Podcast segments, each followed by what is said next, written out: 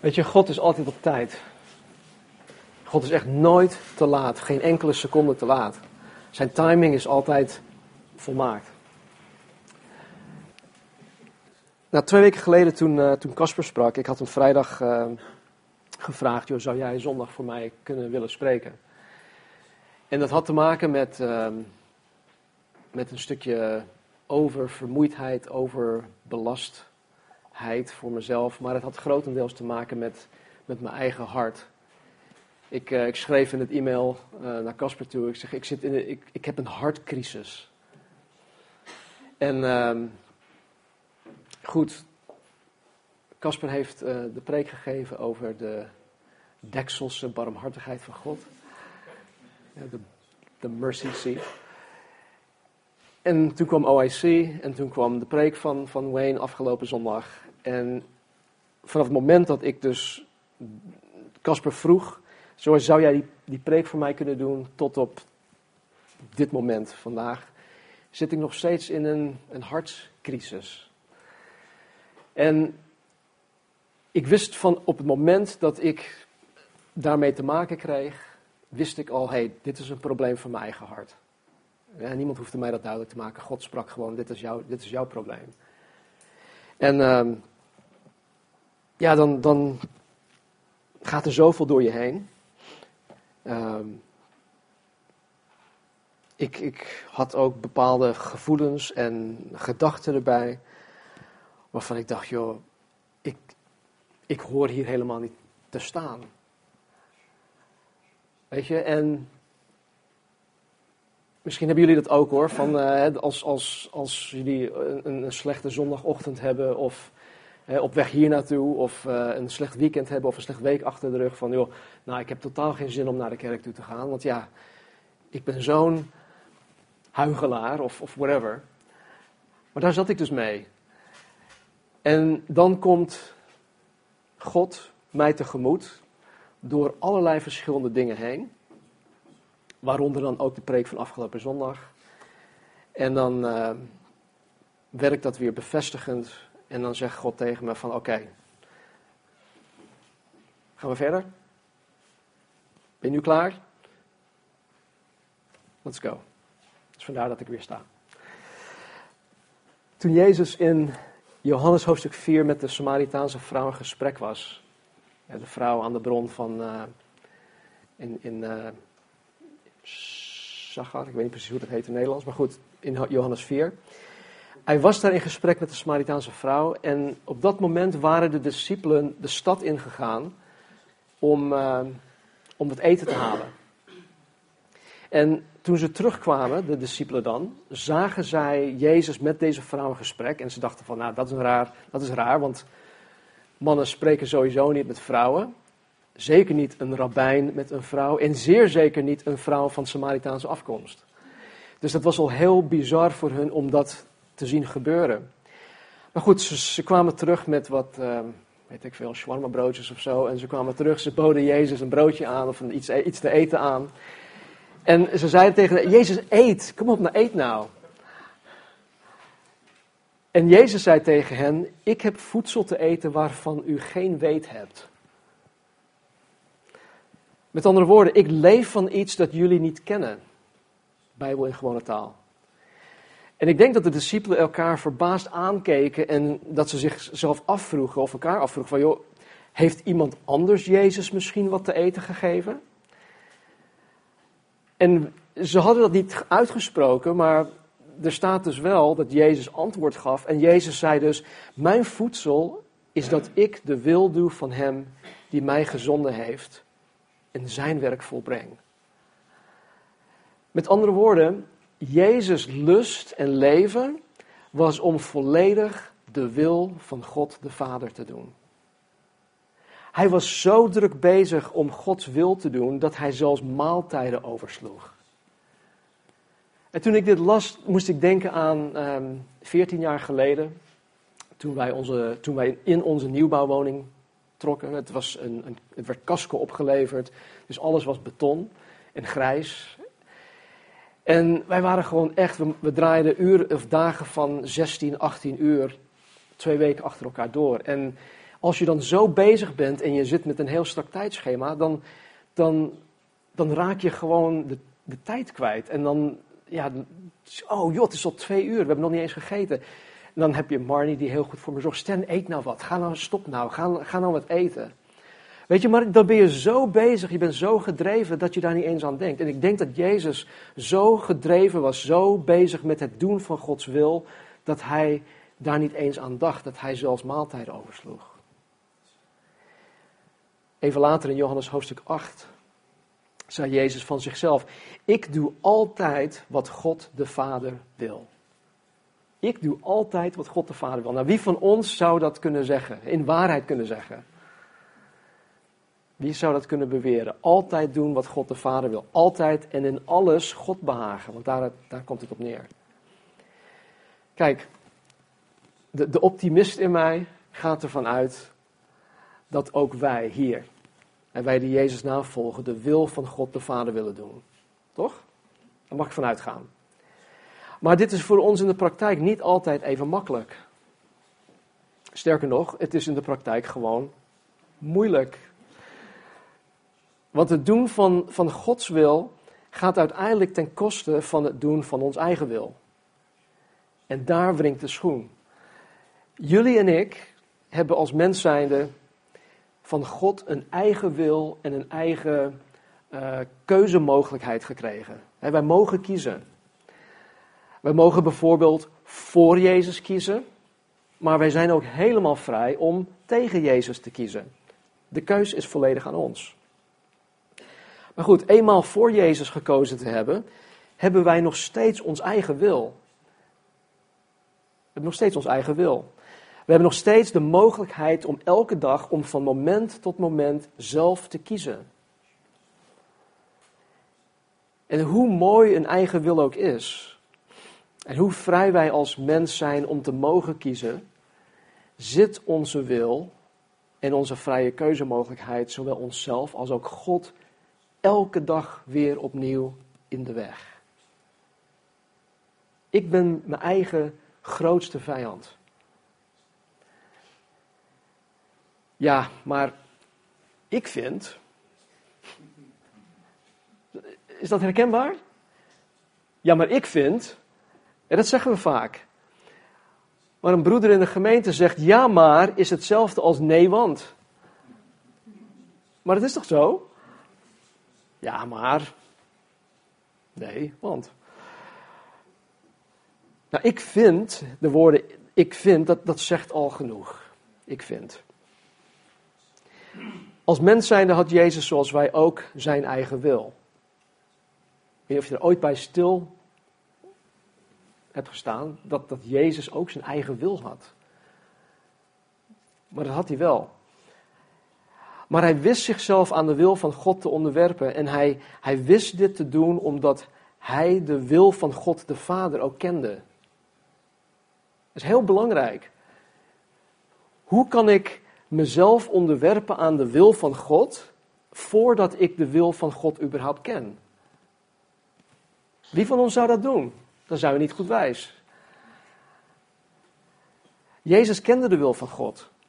Hij wist dat de wil van God vele malen beter is dan zijn eigen, op dat moment menselijke wil. En omdat hij de wil van God kende, omdat hij wist dat Gods wil het allerbeste is, koos hij ervoor om altijd te doen wat God wil. Ik doe altijd wat God de Vader wil, zei Jezus. Nou, vanmorgen zullen wij in de tweede helft van Matthäus 22 naar, voornamelijk naar twee dingen gaan kijken. Het eerste is de hoofdreden waarom wij de wil van God niet kennen. En wat wij daaraan, ook kunnen doen. En het tweede is onlosmakelijk verbonden aan dit eerste. Eh, en dat is onze motivatie om überhaupt de wil van God te willen doen. Wat is onze motivatie? Willen wij dat überhaupt wel? Want als, als ik Gods wil überhaupt niet wil doen, niet wil doen, dan zal ik me ook niet druk gaan maken om Gods wil te gaan kennen. En dan lap ik het aan mijn laars. Dan, is dat niet belangrijk voor mij. Laten we het verhaal oppakken in Matthäus hoofdstuk 22, vers 23. Er staat op die dag kwamen er Sadduceeën naar hem toe, naar Jezus toe, die zeggen dat er geen opstanding is. En ze vroegen hem, meester, Mozes heeft gezegd, als er iemand sterft die geen kinderen heeft, dan moet zijn broer diens vrouw trouwen en voor zijn broer nageslacht verwekken. Nu waren er bij ons zeven broers. En de eerste trouwde en stierf. En omdat hij geen nageslacht had, liet hij zijn vrouw na aan zijn broer. Zo ook de tweede en de derde tot de zevende toe. Ten slotte stierf na allen ook de vrouw. In de opstanding dan, dus in de toekomst. Van wie van die zeven zal de vrouw zijn? Want ze hebben haar allen als vrouw gehad. Um, laten we daar, even stoppen. Zij hebben haar allen als vrouw gehad. Deze groep, het was een uh, religieuze groep, een politieke partij binnen het, uh, binnen het Jodendom. Um, de Sadduceeën. Ze maakten deel uit van het Sanhedrin, en dat is dan de, de Joodse raad, uh, vergelijkbaar aan ons Hoge Rechtshof. Ze waren voornamelijk priesters. Ze waren van adel. Zij geloofden alleen maar in de Torah, dus de eerste vijf boeken van de Bijbel, Genesis tot en met um, um, Genesis, Exodus, Leviticus, Numeri, Deuteronomium.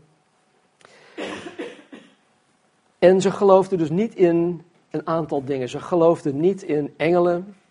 Ze geloofden niet in geesten. Ze geloofden niet in de komst van een Messias. En ze geloofden ook niet in een oordeel aan het einde der tijden. En ze geloofden zeer zeker niet in de opstanding uit de dood. Dus door deze vraag bij Jezus neer te leggen, wilden wilde ze Jezus belachelijk maken. Ze wilden ook de leer van de opstanding belachelijk maken.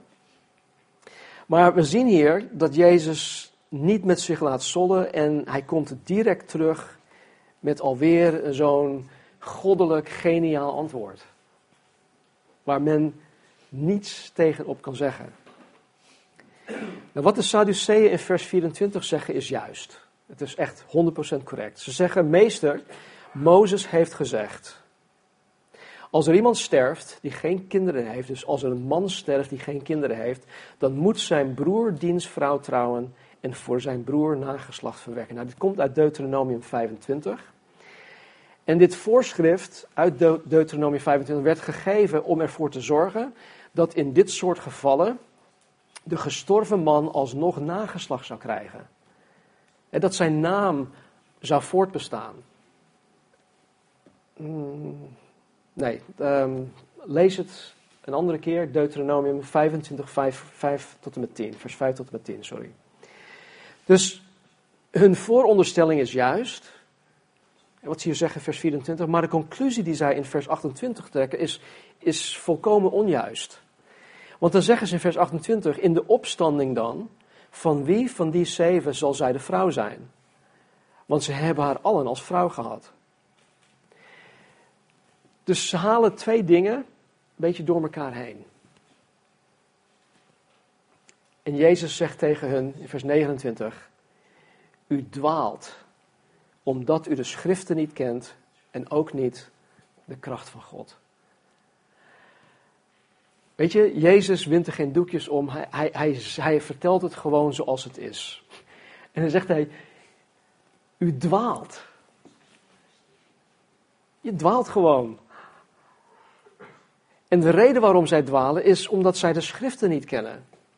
En ze geloven in God, maar zij kennen de Bijbel niet.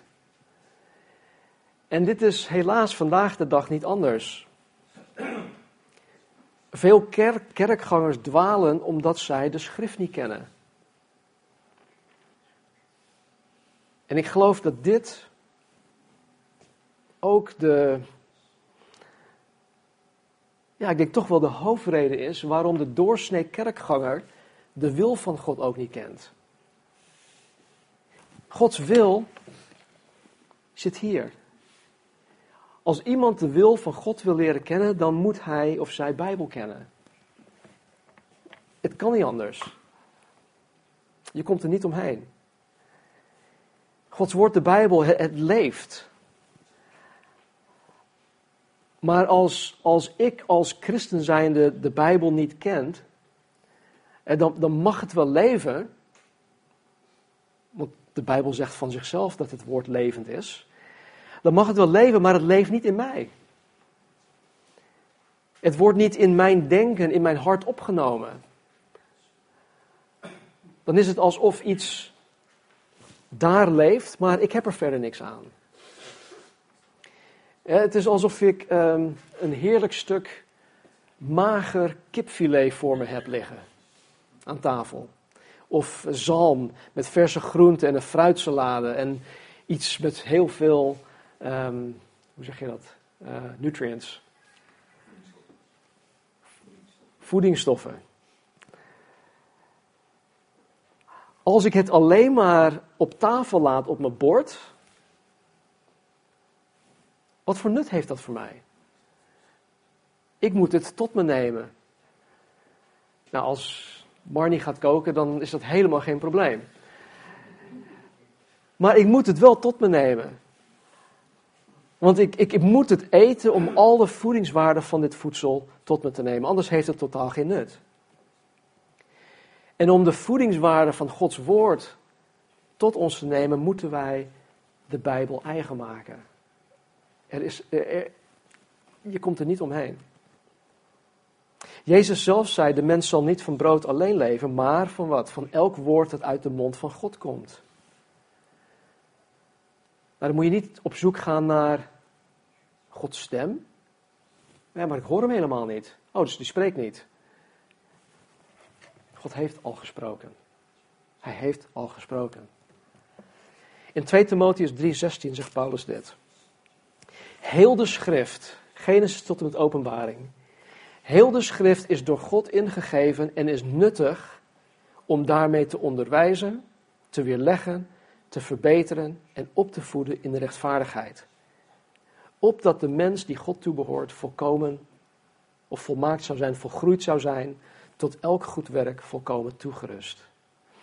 Hier staat dus dat heel de schrift door God ingegeven is. De hele Bijbel is door God ingegeven. Dat betekent letterlijk dat, dat God het woord de schrijvers ingeblazen heeft.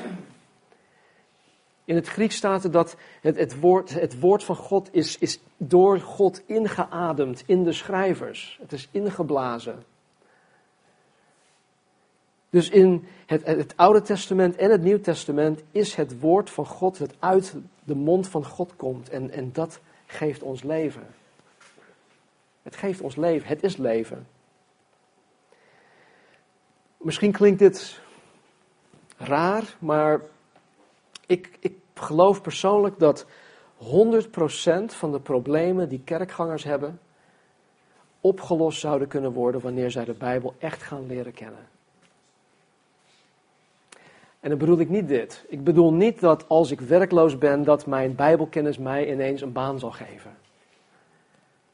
Of als ik diep in de schulden zit, dat ja, ik heb zoveel Bijbelkennis dat ik alle minuut uit de schulden kom. Of als ik uh, een nog niet gelovige partner heb, dat al mijn Bijbelkennis die partner alle minuut tot geloof zou brengen. Nee, mijn Bijbelkennis zal me wel helpen om die persoon tot geloof te leiden door mijn eigen gedrag aan te passen en dergelijke. Maar het is niet zo van, nou, ik heb zoveel Bijbelkennis, dus die persoon gaat gewoon geloven. Nee. Wat ik wel bedoel, is dat 100% van mijn interne problemen, mijn eigen worstelingen opgelost zouden worden. Ik heb het over die, die hartklachten waar, waar, waar, waar Wayne het vorige week over had. 100% van al die hartklachten, die, die, die interne hart, crisis die, waar, wij mee te maken krijgen, 100% van die problemen kunnen opgelost worden. Ik ben er stellig van overtuigd. Tegelijkertijd geloof ik dat ook heel veel problemen die kerkgangers hebben te wijten is aan een gebrek aan Bijbelkennis. Ik spreek genoeg mensen om, om te weten dat wanneer iemand een probleem heeft, dat het te wijten is aan een gebrek aan Bijbelkennis. Want ze weten, ze kennen God niet. Het is niet alleen een, een gebrek aan Bijbelkennis, maar door de Bijbel heen leren we God kennen. En als men de Bijbel niet kent, kent men God ook niet. Die twee zijn onlosmakelijk aan elkaar verbonden. De Bijbel kennen en God kennen. Nou, het, het, het, het, het andere extreem is natuurlijk dat, dat mensen um, verstandelijk heel veel Bijbelkennis kunnen hebben. Ze kunnen hoofdstuk en vers kunnen ze zomaar alle minuut uh, citeren. Ze kunnen je letterlijk om de oren slaan met Bijbelversen. Maar ook die personen, die mensen, kunnen heel veel hoofdkennis hebben, maar, maar God zelf niet kennen. Dus Bijbelkennis op zich is niet zaligmakend. Dat, dat is niet alleen wat ons God doet leren kennen. Het heeft te maken met ons hart. Een aantal jaren geleden zaten Marnie en ik op een, uh, op een huiskring. Het bestond voornamelijk uit kerkleiders. En een van de oudsten die, die, die raakte depressief. En in zijn eigen woorden raakte hij in verwarring. Hij raakte zelfs in zijn eigen woorden zijn geloof kwijt. Een oudste van de gemeente. Een van de dingen die hij zei was dat hij niet meer wist wat hij moest geloven. Want als hij boek A las, en dat is een buitenbijbels boek, boek A, dan geloofde hij helemaal wat boek A um, bracht of leerde. Maar op het moment dat hij boek B las, dan bracht het hem in verwarring. Want hij dacht dat dit het was. En ineens krijgt hij iets anders te horen en dat bracht hem in verwarring. En toch waren het allebei christelijke schrijvers en toch waren het allebei hoog aangeschreven boeken enzovoort enzovoort. Dus die persoon die raakte gewoon in de war. Begrijp me niet verkeerd, boeken zijn heel goed. Er zijn hele goede bijbelse boeken van, van bijbelgetrouwe uh, schrijvers die wij nodig hebben om te groeien in ons geloof. Ik heb heel veel aan boeken. Maar het probleem lag niet in, in, in het lezen van de boeken van deze persoon. Zijn probleem lag in zijn gebrek aan Bijbelkennis. Want door het lezen van een boek werd hij, of van die boeken, werd hij dus van zijn geloof afge, afgebracht. Terwijl als dit in zijn hart leefde, als het woord van Christus rijkelijk in hem woonde, zoals Paulus zegt, zoals, dat hoort, dan zou hij nooit van de rots afgestapt zijn geweest. En weet je, ik, ik, ik wijd dit ook aan een gewone gebrek van, aan, van bijbels onderwijs. We hebben vorige week dus um, de Bijbelse Counselingdag gehad. Wat ook geweldig was. Er waren 21 kerken vertegenwoordigd. Dat was echt boven mijn verwachting. Maar er zijn 300 e-mails de deur uitgegaan en 165 brieven naar voorgangers, naar kerkleiders. En dan maar 21 kerken. En zelfs degenen die gekomen waren, het merendeel waren niet eens voorgangers of, of oudsten in de gemeente. Het waren pastorale werkers of mensen die een bediening hadden in de gemeente. En door de gesprekken heen merkte ik gewoon, um, waarom is je voorganger niet gekomen? Nou ja, die, die laat dat liever aan de professionals over. Nee, serieus. Bijbels counseling, joh, nee, dat, uh, daar hebben ze gewoon afstand van genomen. Waarom? Omdat ze afstand van Gods woord hebben genomen. Gods woord heeft echt alles wat wij nodig hebben om, om dit, het probleem van dit op te lossen. Maar de kerk is daarvan van afgeweken. Deze kerkleider waar ik het over had, die werd gewoon heen en weer geslingerd. Zoals Paulus dat in Efeze 4 ook zegt. Door elke wind van leer door gebrek aan Bijbelkennis. De kwaliteit van mijn relatie met God, de kwaliteit van mijn christen zijn, is afhankelijk van de kwaliteit van mijn Bijbelkennis. Daar ben ik echt van overtuigd. Dat bedoel ik niet dat wanneer iemand echt, stel dat iemand vandaag tot geloof komt en zoals de blinde man in, uh, in, je, in het evangelie van Johannes, dacht ik, die werd genezen door Jezus. Hij, zegt, uh, hij werd ondervraagd door de fariseeën en de schriftgeleerden. En ze stelden hem vragen, nou wie heeft dat gedaan? Wie was het? Was het Jezus? Was het die? Was het dit? Hij zegt, wat jullie mij allemaal vragen, ik heb geen flauw idee waar jullie het over hebben. Ik weet alleen dit. Ik was blind en nu zijn mijn ogen geopend. Dat is een getuigenis. Dus natuurlijk is de kwaliteit van mijn relatie met God afhankelijk van mijn Bijbelkennis. Maar een pasgeboren baby die weet heel goed wie zijn moeder is. Die weet ook heel goed als wedergeboren, pasgeboren kind wie zijn vader is. Wie zijn of haar vader is. De Sadduceeën wisten wel iets van God, maar zij kenden nog de schriften, nog de kracht van God. Dat zegt Jezus. En als ik, zoals de Sadduceeën, niet in de opstanding uit de dood geloof, dan zou ik ook niet in de opstanding van Jezus gaan geloven. En als ik niet in de opstanding van Jezus geloof, dan is mijn geloof vergeefs. Want dan zou ik net zoals alle andere godsdiensten geloven in een dode of een dode God. Of een dode profeet. Ik zag vorige week of twee weken geleden een, eh, een heel kort segmentje, fragmentje uh, over um, de uitleg van het evangelie. En een van de dingen die daar die echt tot me, tot me sprak was dit. Als iemand moet kiezen tussen Jezus, Boeddha, Confucius, um, Mohammed of wie dan ook. En je komt, je hebt, je hebt, je hebt, vier, je hebt vier verschillende keuzes en je komt op, op, op, op een weg en er zijn vier verschillende mogelijkheden. je kan die kant op gaan, je kan die kant op gaan, die kant of die kant. Nou, dan heb je Mohammed die daar voor pampers ligt, die ligt gewoon dood. Confucius ook, Boeddha ook. Maar Jezus staat daar springlevend en zegt, kom, kom deze kant op. Wel, dan is de keuze heel makkelijk gemaakt. Voor wie zou men kiezen? Anyway.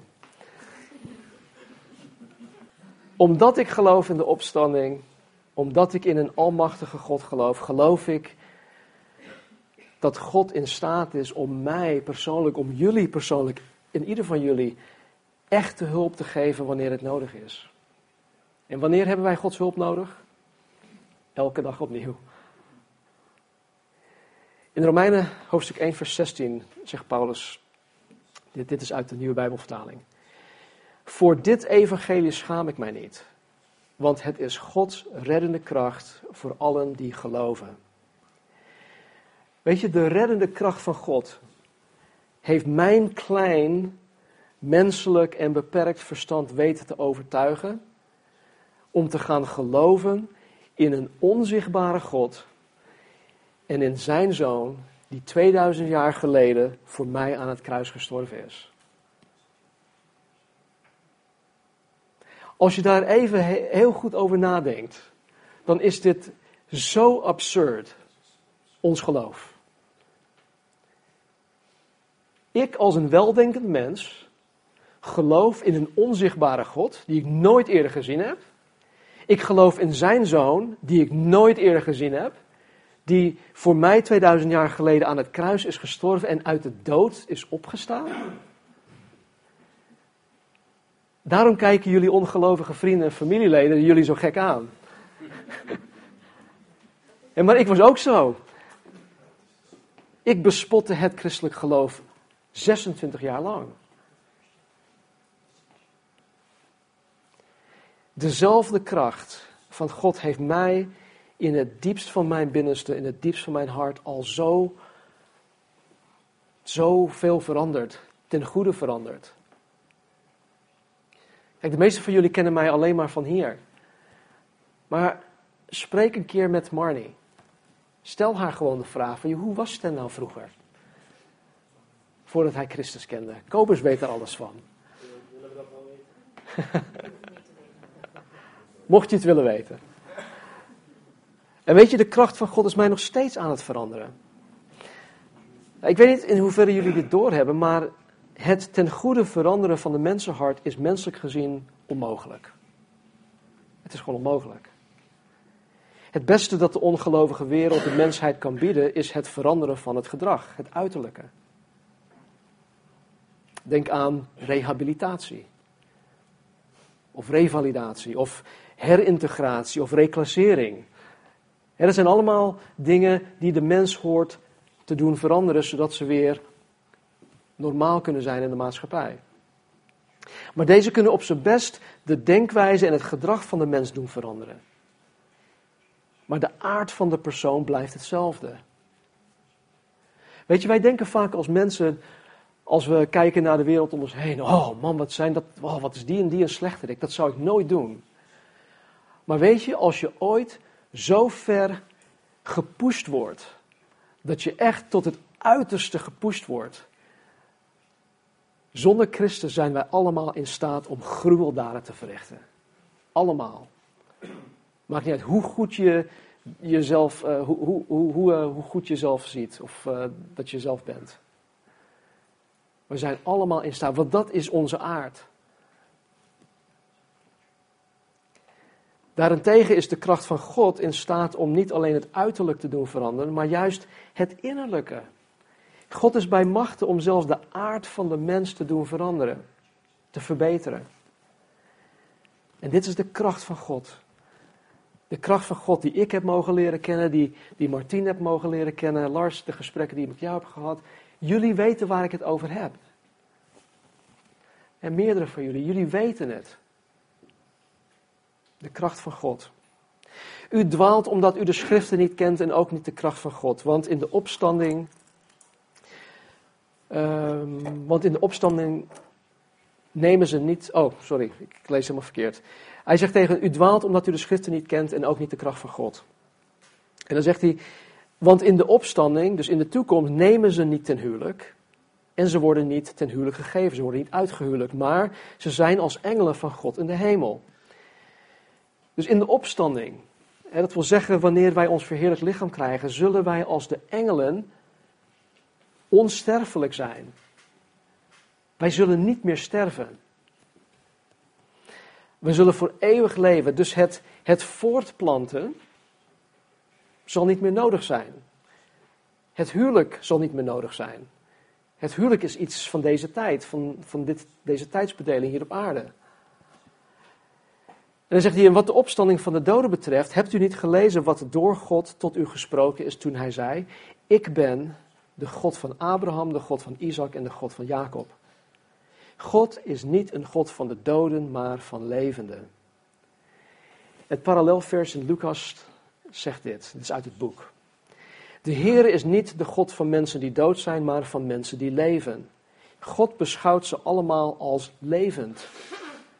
Dus wanneer hij zegt, ik ben de God van Abraham, Isaac en Jacob, beschouwt God Abraham, Isaac en Jacob als levend.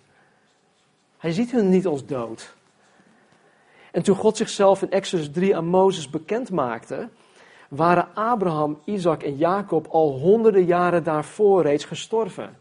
Maar toch noemt God zichzelf de God van Abraham, Isaac en Jacob, alsof zij op dat moment leefden. God keek op dat moment al vooruit. God zag dat uh, op dat moment al dat Abraham, Isaac en Jacob verheerlijk waren. En ondanks dat de Sadduceeën de eerste vijf boeken van de Bijbel letterlijk konden citeren, begrepen zij de schriften niet. En ze kenden de kracht van God niet.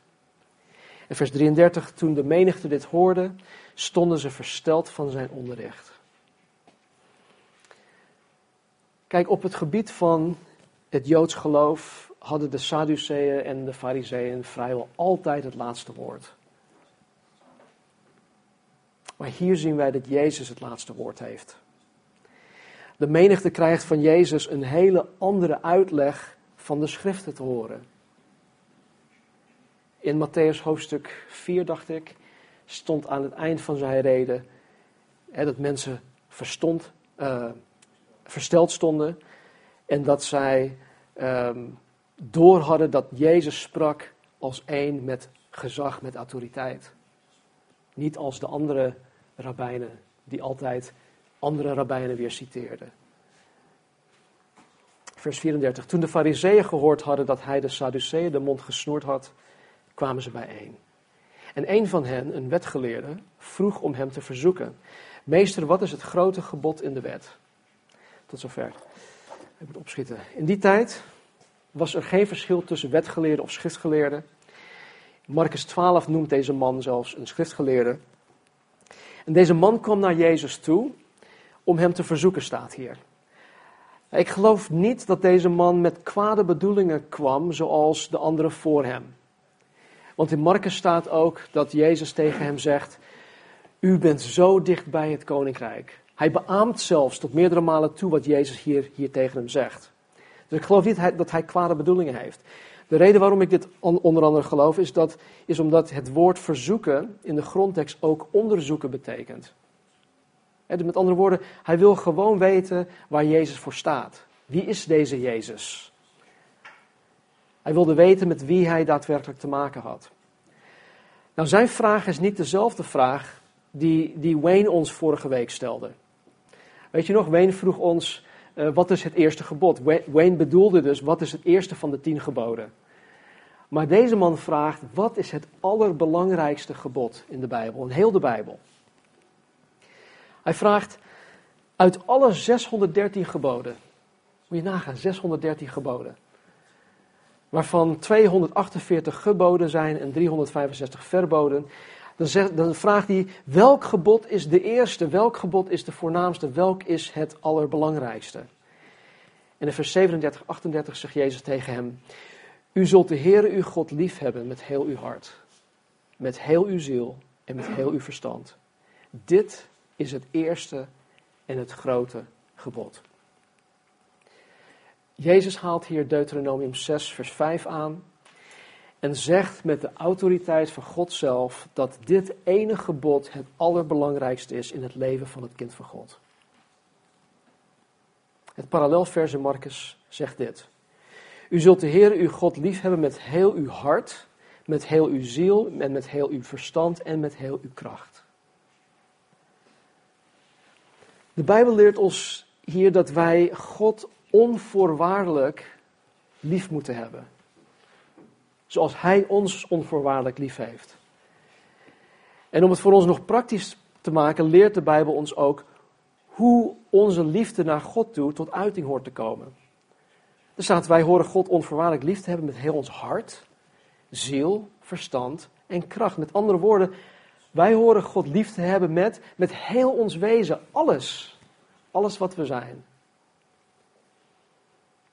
Nou, ik heb vanmorgen geen tijd om uit te leggen wat we, ja, hoe wij dit in de praktijk kunnen brengen. Maar misschien hebben sommigen van jullie al gemerkt dat ik jullie vanmorgen een e-mail toe heb gestuurd uh, met een link naar een preek die ik twee jaar geleden of drie jaar geleden heb gegeven. Waarin ik uitleg, uh, precies dit vers ook, hoe wij God onvoorwaardelijk lief kunnen hebben met heel ons hart, met heel ons verstand, met heel ons ziel, met heel ons kracht. Dus om de studie van vanmorgen compleet te maken, zou je de andere studie erbij moeten gaan halen. En uh, volg de link in de e-mail, dan uh, kom je er wel. Nou, zoals ik net zei, er zijn in het Oude Testament 248 geboden en 365 verboden. 613 in totaal. Wie van ons zou het bij kunnen houden? Het Nieuw Testament geeft ons ook een hoop geboden en verboden, maar dan niet in dezelfde zin als gij zult of gij zult niet. Nee, in het Nieuw Testament komen Gods voorschriften in alle boeken voor. En ze staan er alsof het naleven van deze voorschriften gewoon heel logisch is. Dit hoort gewoon bij de christen.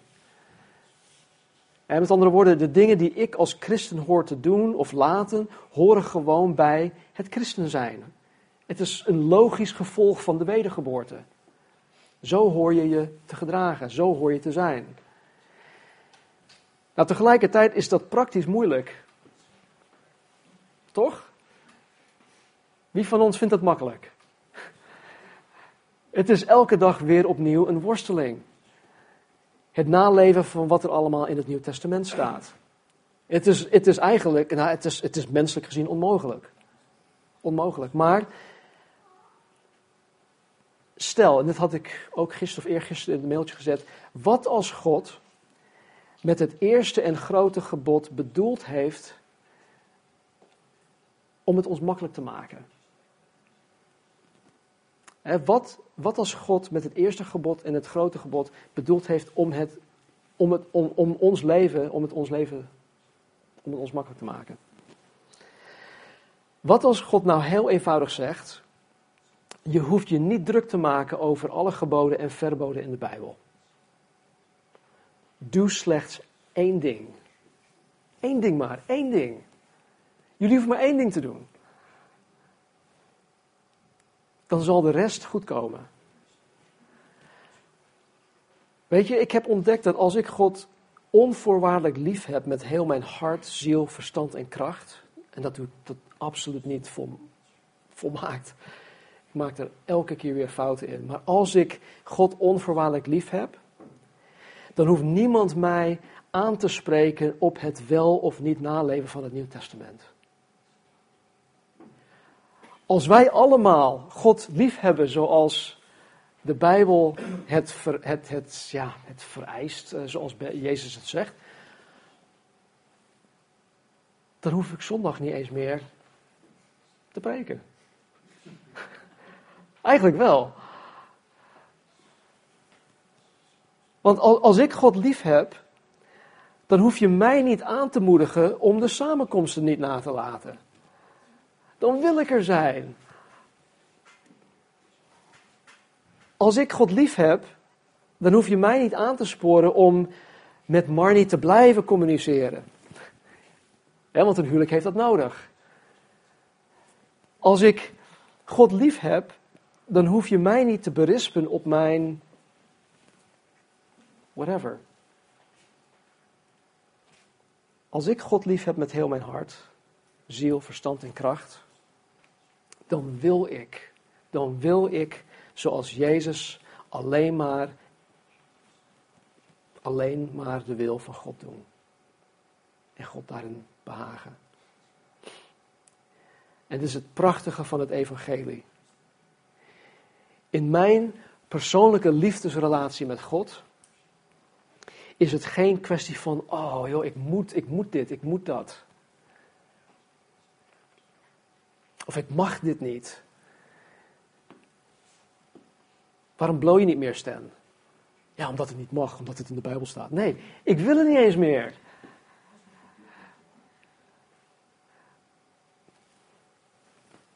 Het is nu een kwestie van ik wil dit en ik wil dit niet meer. Het is niet van de ene dag op de andere dag zo gebeurd. Maar God heeft mij van binnenin veranderd, van binnenuit veranderd. Dat is de, kracht van het evangelie. Ik, ik wil jullie aanmoedigen en ik sluit hiermee af. Bid tot God dat Hij jou leert, dat Hij jou door de Heilige Geest de kracht geeft, het verlangen geeft om God onvoorwaardelijk lief te hebben met heel je hart, ziel, verstand en kracht. Mensen, dit, dit zal je leven en het leven van de mensen om je heen zoveel makkelijker en zoveel aangenamer maken. Dus het, het, het, is niet alleen voor jezelf, maar het is ook voor de mensen om je heen.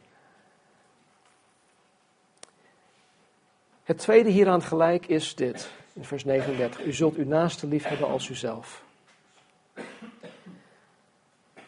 Het humanisme en de psychologie die de kerk binnengevallen zijn, beweren dat de Bijbel ons hier leert dat wij moeten leren om onszelf lief te hebben want er staat, het tweede hieraan is gelijk, u zult uw naaste lief hebben als uzelf. En er zijn zoveel preken hierover uh, gedaan waarin zij zeggen, ja, je moet jezelf eerst lief hebben voordat je een ander lief hebt. En je moet jezelf leren lief hebben. Mag ik heel bot zijn? Dat is volslagen onzin. De Bijbel zegt hiermee simpelweg dat wij de mensen in onze omgeving net zo lief moeten hebben zoals wij onszelf egoïstisch liefhebben. En want laten we eerlijk zijn, in mijn leven draait alles om mij. Niemand hoeft mij te vertellen van Stan, jij moet jezelf gewoon lief hebben. Jij moet goed voor jezelf zorgen. Zorg dat jij dat kopje koffie ochtends maakt. En zorg ervoor dat jij uh, ontbijt eet. Zorg ervoor dat jij uh, lunch eet. Nu heb ik wel iemand die daar, daar heel goed voor zorgt, hè, maar niemand hoeft mij te vertellen dat ik mezelf lief moet hebben.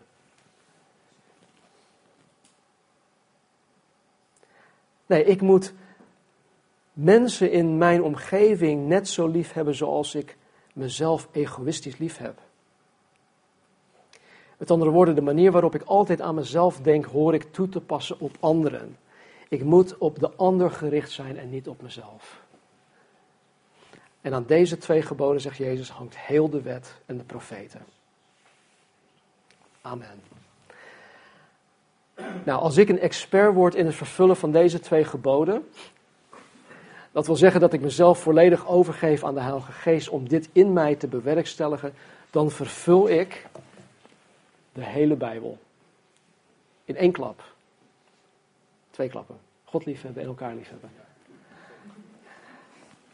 Nou, de rest. Um,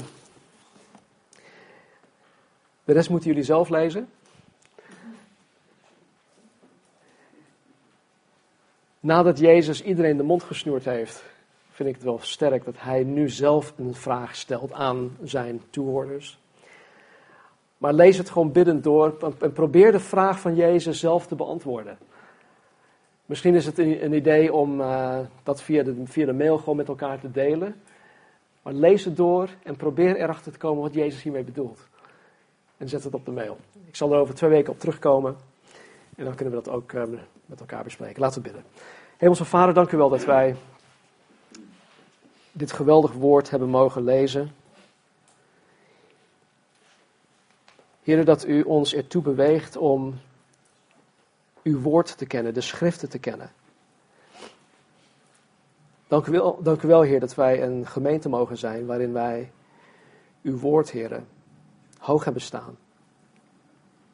Waarin wij uw woord onderwijzen. Waarin wij uw woord, Heer, tot ons nemen. Dank u wel, Heer, dat u ons op die manier leidt. Dank u wel dat u ons op die manier hebt voorbereid. En Heer, mijn gebed is dat wij daar nooit van af zullen wijken. En mijn gebed, Heer, is dat door middel van de contacten die gelegd zijn door de OIC-dag, Heer, dat meer kerken uw woord zullen gaan onderwijzen. Meer kerken hier in Nederland. O Heer, beweeg de harten van voorgangers. Heren, om zielzorg niet over te laten aan de professionals, maar heren, om, zelf, om zichzelf te gaan bekwamen in uw woord. Om zelf, heren, mensen te kunnen counselen. En heren, zoals vanmorgen. Heren, wanneer uw woord voortging, heren, hebben wij gedaan aan groepscounseling. En ik dank u daarvoor, Heer. Dank u wel dat u tot mijzelf, tot mij gesproken hebt. Dank u wel dat u tot ieder van ons gesproken hebt. Heer, help ons alstublieft om hongerig te worden naar uw woord.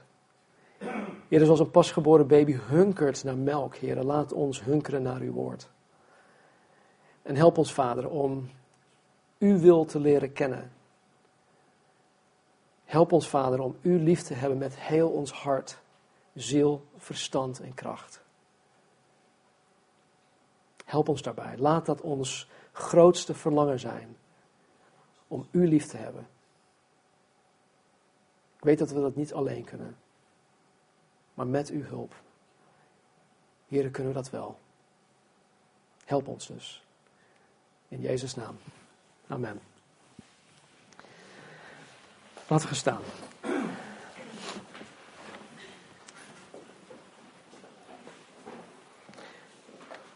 Mogen de Heer in ieder van jullie ons deze week anders de week in laten gaan. Dat jullie bewust zijn van de problemen om je heen, maar dan met de gedachte dat het probleem 99,9% in jouw eigen hart zit. En dat we bewust de Heere God vragen om je eigen hart te doen veranderen. Het zij in je huwelijk, het zij in je relatie met je kinderen of kleinkinderen of opa's, oma's, het maakt niet uit met wat. Op je werk, waar dan ook. Wees ervan bewust. En vraag God echt dat Hij jou het verlangen zal geven om Hem lief te hebben boven alles. Het zal je hele leven doen veranderen. Dus wees gezegend, wees lief voor elkaar.